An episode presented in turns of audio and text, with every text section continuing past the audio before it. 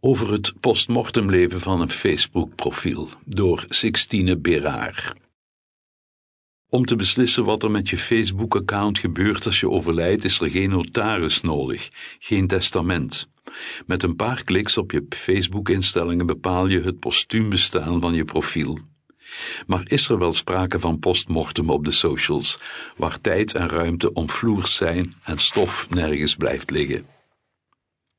Beslis wat er met je account gebeurt als je komt te overlijden. Ik kom deze momento mori tegen bij een door privacyangsten aangedreven zoektocht door mijn Facebook-instellingen. De verschillende mogelijkheden die Facebook me voorschotelt komen grosso modo neer op twee opties. Eerste optie, je account wordt postmortem gewist. Tweede optie, je duidt iemand aan die je account na je dood een herdenkingsstatus kan geven. Het account blijft dan bestaan nadat je er niet meer bent. Je spookt dus virtueel verder. Ik wil mijn omgeving niet opzadelen met administratieve romslomp als ik kom te gaan. Intuïtief denk ik dus burn it to ashes, die social media accounts. Maar mijn digitale voetafdruk is te wijd en verspreid om ontvlambaar te kunnen zijn. Bij beide opties zal het daarboven een mens zijn die Facebook erop moet attenderen dat ik gestorven ben. Mijn account, mijn digitale persona, zal me nillens overleven. Bovendien is, daar attendeerde een vriendin mij op, mijn krampachtig verlangen om alles zo proper mogelijk achter te laten, niet per se bevorderlijk voor het rouwproces van wie mij overleeft. Tweede intuïtie, Schenk mijn virtueel lichaam aan de wetenschap. Geef al mijn wachtwoorden aan data-analisten en historici. Gebruik het als een archief van virtuele trends. Maar is het überhaupt wel relevant om Facebook-accounts als een archief te beschouwen? Voor ik verder klik, wil ik stilstaan bij wat mijn account is en wat het zou betekenen om het te wissen of te bewaren. Ik wil de ontologie van mijn account vatten Daarna wil ik het spoken, de haunting van een Facebook-account beschouwen. En dan pas bepaal ik wat er met mijn account gebeurt als ik kom te overlijden. Het heeft nooit geklikt tussen mij en snelle beslissingen. Ontologie, schrijft de filosoof Martin Heeglund, gaat uit van een zijn, waarvan de aanwezigheid samenvalt met het zelf. De notie van een spook daarentegen stelt hij staat niet op zichzelf. Veeleer wordt ze gekenmerkt door een relatie tot wat er niet is of nog niet is. Het spook, vervolgt Heeglund, kan dus niet volledig aanwezig zijn. Wat is dan de ontologie, het zijn van een Facebook-account? Waaruit bestaat diens aanwezigheid? Wat blijft er en wat zal er spoken wanneer mijn account niet meer samenvalt en gevoed wordt door mijn aanwezigheid? Tijdens het scrollen op mijn tijdlijn zie ik trends en levensfases voorbij gaan. De periode waarin profielfoto's nog relevant waren. De hashtag Je suis Charlie en de BuzzFeed quizzes. Welke sla ben jij? De sepia-filters, een opmerkelijk anachronisme die een heel artikel waard zou zijn, mijn kwade tienertirades op Facebook over Vlaamse verrechtsing en cultuurbesparingen, de groene bolletjes op Messenger naast mensen met wie ik al vijf jaar niet meer heb gesproken en alle Facebookgroepen, eindreis, foto's, een oude klasgenoot die me, nadat ik mijn Facebook-profiel had aangemaakt, stuurde: Waarom plaats je nooit foto's van jezelf op Facebook? Het was 2013, niemand van mijn leeftijdsgenoten had een iPhone. Ik liep rond met een Nokia-bakje en had enkel toegang tot Facebook via mijn computer. 23 juni 2014. Nieuwe profielfoto met quote van Eleanor Roosevelt. The future belongs to those who believe in the beauty of their dreams. Mijn massieve accumulatie van data ontvouwt zich als een archief van alledaagsheid dat het midden houdt tussen een autobiografisch verslag en een seismograaf van wereldverandering. Je vindt er niet alleen visuele en discursieve informatie. Ook hoe mijn beleving van de virtuele ruimte transformeerde kun je erin lezen. Facebook-gebruik voor de intrede van smartphones bijvoorbeeld. Het is een archief in de zin dat het meetbare gegevens inhoudt, maar het alludeert ook op een repertoire aan virtuele attitudes. Diana Taylor, professor in performance studies, schetst in het boek The Archive and the Repertoire een onderscheid tussen het archief en het repertoire. Een repertoire, schrijft Taylor, bestaat uit belichaamde herinneringen. Onze lichamen bevatten kennis over onze omgang met cyberspace, uit de virtuele afdruk van dat lichaam, zoals een Facebook-account, kunnen die omgangsvormen enigszins worden ontwaard. Net door het belichaamde karakter ervan is het ook idiosyncratisch. Niet elk lichaam interageert op dezelfde manier met social media. In een bespreking van de voorstelling Bartelbabe van Anna Francisca Jeger en Nathan Ooms schrijft et cetera recensente Evelyn Cousins dat ze zich bewust werd van een digitale generatiekloof. De beslissende factor in het al dan niet kunnen plaatsen van wat je ziet, is in dit geval het verschil in digitale geletterdheid. De manier waarop de digitale alomtegenwoordigheid het denken en maken van deze jonge generatie heeft gevormd. Die digitale geletterdheid verwijst naar het repertoire aan virtuele omgangsvormen waar het gros van mijn generatie belichaamde kennis over bezit. De Franse schrijfster Annie Ernaux sloot haar autobiografie Les Années, die uit honderden kleine, futiele, dagdagelijkse anekdotes bestaat, af met deze zin. Sauver quelque chose du temps où l'on ne sera plus jamais. Mijn account voelt als een omvloerste afdruk van acht levensjaren, duizenden indrukken van een tijd waarin ik me nooit meer zal bevinden. Hoe meer ik door mijn online tijdlijn duik, hoe moeilijker het me lijkt om die te wissen. Erno is niet de enige die probeert om een leven, althans een vlacht ervan, vast te leggen aan de hand van alledaagse dingen. De Britse performancekunstenaar Kim Noble brengt in de voorstelling You're Not Alone van 2015 bijvoorbeeld naar voren hoe hij zijn leven en dat van zijn buren documenteert. Tijdens de voorstelling worden onderdelen van die documentatie, zoals screenshots van messengergesprekken, geprojecteerd. Nobel deelt digitale afdrukken, spokende sporen van intieme momenten op scène. You're Not Alone gaat over eenzaamheid in ultra-gedigitaliseerde tijden en over de illusie van aanwezigheid dat voortvloeit uit sociale media. De voorstelling insinueert dat wanneer aanwezigheid illusoir blijkt, je met lege handen en huidhonger achterblijft. De filosoof en cultuurcriticus Mark Fisher bouwt verder op de notie hauntology van de Franse filosoof Jacques Derrida. Dat doet hij door het concept te bespreken ten aanzien van popcultuur en de cyberspace. Haunting, schrijft Fisher in Ghosts of My Life, Writings on Depression, Hauntology and Lost Futures, can be construed as a failed mourning.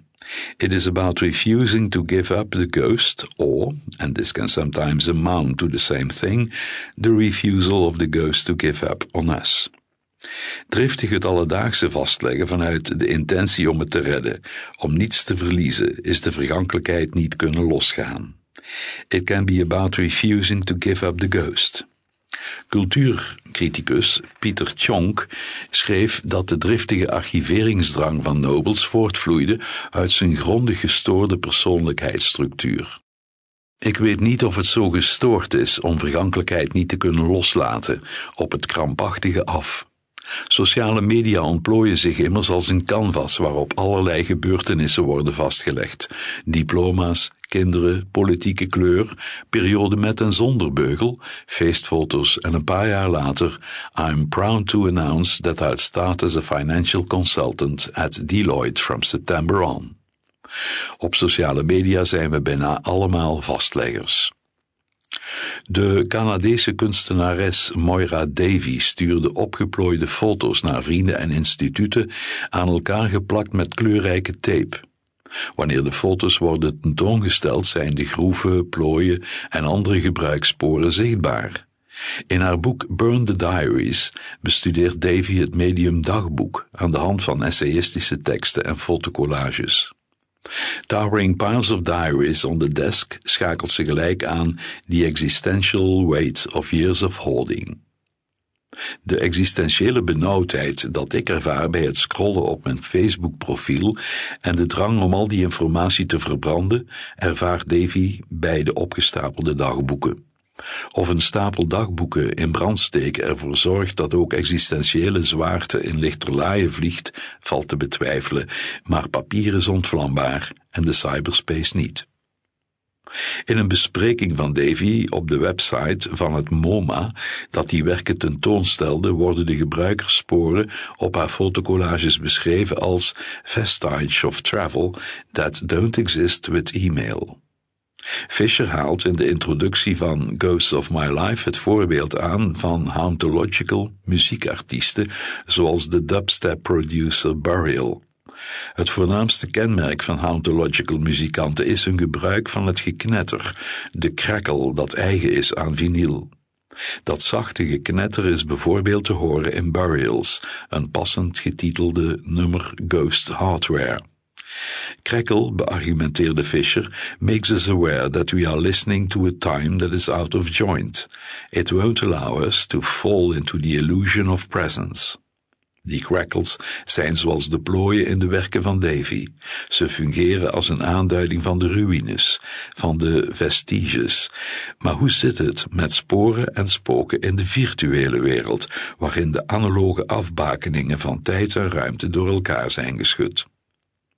Terwijl ik staar naar de gepixelde foto van mijn veertienjarige zelve en de quote van Roosevelt, The future belongs to those who believe in the beauty of their dreams, denk ik, dit ben ik niet meer.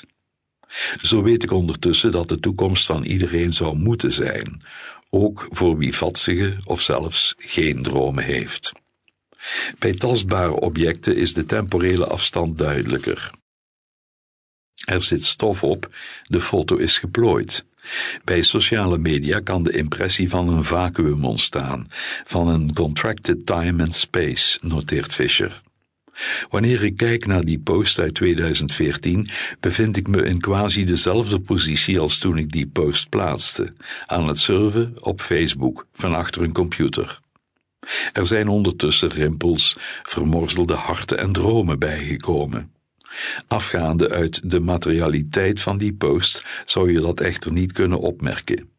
Meer dan een dagboek situeert een Facebook-account zich in een omvloerst hier en nu dat evenwel toen en daar kan zijn. Het boek The Employees van de Deense schrijfster Olga Raven bestaat uit verschillende logboeknotities per employee van het ruimteschip 6000.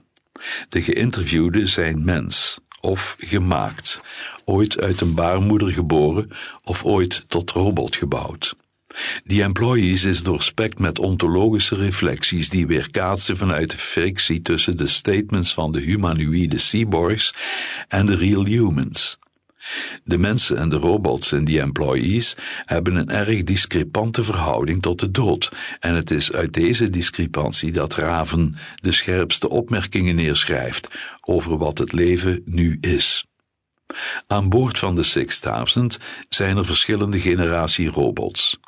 Bij elke update wordt er gestreefd naar verbetering, wat neerkomt op vermenselijking. In statement 118 is een humanoïde robot aan het woord. Die vertelt dat het hun spijt dat er iemand vermoord is tijdens het ombouwproces van mens tot robot. Dat was niet de bedoeling. We don't really understand death, since we ourselves can't be destroyed and will go on regenerating. Het is een uitspraak die resoneert met wat Fischer optekent in de inleiding van Ghosts of My Life. In conditions of digital recall, loss is itself lost. Het is best moeilijk om te verdwijnen van de cyberspace. Onze digitale persona kan niet vernietigd worden. Mijn profielfoto kan ook niet worden beschadigd door lichtinval of brand. Terwijl de tijd mij aantast, blijft die profielfoto intact. It will go on regenerating. Data-accumulatie wordt massiever. Je kunt steeds meer bewaren, steeds meer vastleggen, maar nog lang niet alles.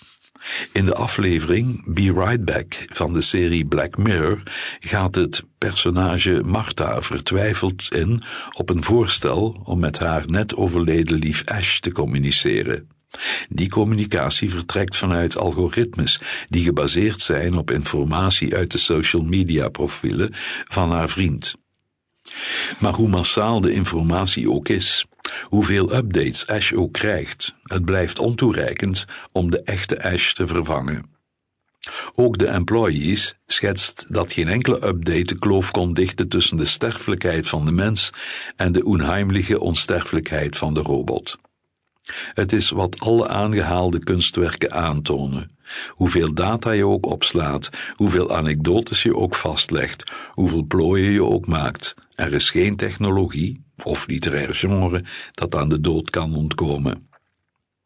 En misschien is die exploratie van ontoereikendheid wel een noodzakelijke stap in het rouwproces. Na een poging om samen te leven met de humanoïde robot Ash verband ze hem naar de zolder omdat ze beseft dat de ontoereikende Ash haar rouw niet kan tegenhouden. Los is altered, not lost. De cyberspace vertroebelt ontologische afbakeningen, maar voorlopig zijn mensen nog steeds gebouwd rond kloppende harten die plots zullen opgeven. Van mijn veertiende tot mijn zestiende verbleef ik in het ziekenhuis. Twee jonge vrouwen die ik tussen draad en buizen leerde kennen, zijn ondertussen overleden. Van L is er naast overlijdensberichten amper iets te vinden in de cyberspace. Een Google search schetst het beeld van L. Een vitale, cinefiele, stijlbewuste, dansgrage vrouw, als niets anders dan een doodsprent. Het Facebook-account van K bestaat nog wel. Op haar verjaardag plaatsen mensen iets op haar Facebook-tijdlijn. Ik wens je veel geluk toe daarboven. Het was door zulke verjaardagsberichten dat ik leerde dat K was overleden. Op haar account was geen teken van dood. Het heeft geen herdenkingsstatus, is onaangeroerd gebleven. Ik had graag willen geloven dat een onaangeroerd account een teken was dat ze nog leefde. Tijdens het scrollen op mijn Facebook-tijdlijn vangt de kop van een humorartikel mijn aandacht. Als je afwezig bent op de sociale media, lijkt het alsof je niet meer bestaat. K was nooit een actieve gebruiker van sociale media. Ik had ze sinds het ziekenhuis niet meer in het echt gezien, en nu was ze stil, zonder post, heen gegaan. Bij het lezen van het humorartikel dacht ik, voor mij bestond ze nog wel. Sociale media isoleren en verbinden. Facebook bood mij de mogelijkheid om met K in contact te blijven dankzij Facebook, anders zou ik ze compleet uit het oog zijn verloren. Maar het medium geeft veel eer een illusie van aanwezigheid. Door het contact louter via sociale media te behouden, ging haar dood onopgemerkt aan mij voorbij. Don't fall into the illusion of presence. Ongeacht de optie dat ik zal aanduiden, is het uiteindelijk toch een mens die Facebook zal moeten laten weten dat ik er niet meer ben. Mijn moeder zegt, in prille rouw wil je geen gladde dingen. Je wilt uitsteeksels, rommel, hoekigheid om je aan vast te houden, om grip te krijgen. Ze toont me het profiel met de herdenkingsstatus van een vriendin. Om de zoveel tijd plaatsen mensen een herinnering op haar tijdlijn, een vergeet me nietje. Ook die kan bestaat, collectieve rouw op de socials. Ik vraag aan een vriendin wat ze het liefste zou hebben wanneer ik er niet meer ben. Ze zegt dat rouw altijd kan opvlakken en ziet de waarde van die collectieve rouw op een Facebook-tijdlijn wel in. Les années van Annie Ernaux vangt aan met de zin Toutes les images disparaîtront. Het is de tout die ik van belang vind. De totaliteit waarin beelden en posts op sociale media zich bevinden, die verdwijnt mee met wie de beelden mentaal heeft opgeslagen. Het leven is een te zwaar bestand. Geen enkele computer kan de veelheid aan indrukken uit een mensenleven omvatten. Sociale media-accounts zullen nog veel van hun eigenaars overleven. Het zijn rommelige kamers, waar rouwenden in kunnen snuisteren. Ze zijn een eventueel canvas voor collectieve rouw. Ik zal niet meer kunnen uitleggen waarom ik in 2014 een bescheiden fascinatie koesterde voor first ladies, of waarom het überhaupt een ding was om quotes te plaatsen boven profielfoto's. Ik herlees die employees en kijk naar wat ik negen maanden geleden heb onderlijnd. Naast Maybe the humans are that very element of chaos that keeps the world alive, schreef ik, groter dan drie. Ik beslis om de rommel te behouden en niet zelf te bepalen wat er met mijn account zal gebeuren na mijn dood. Hoe relevant Facebook-accounts ook kunnen zijn voor media-archeologisch onderzoek, ze vervangen mensen niet. Opdat ik mijn Facebook-vrienden dus tegen het lijf blijf aanlopen. Opdat K en L wisten dat ze voor mij bestonden, ook zonder welige sociale media gebruik. Opdat we ook blijven rouwen naast de cyberspace, want volstrekt onsterfelijk is ook de digitale wereld niet.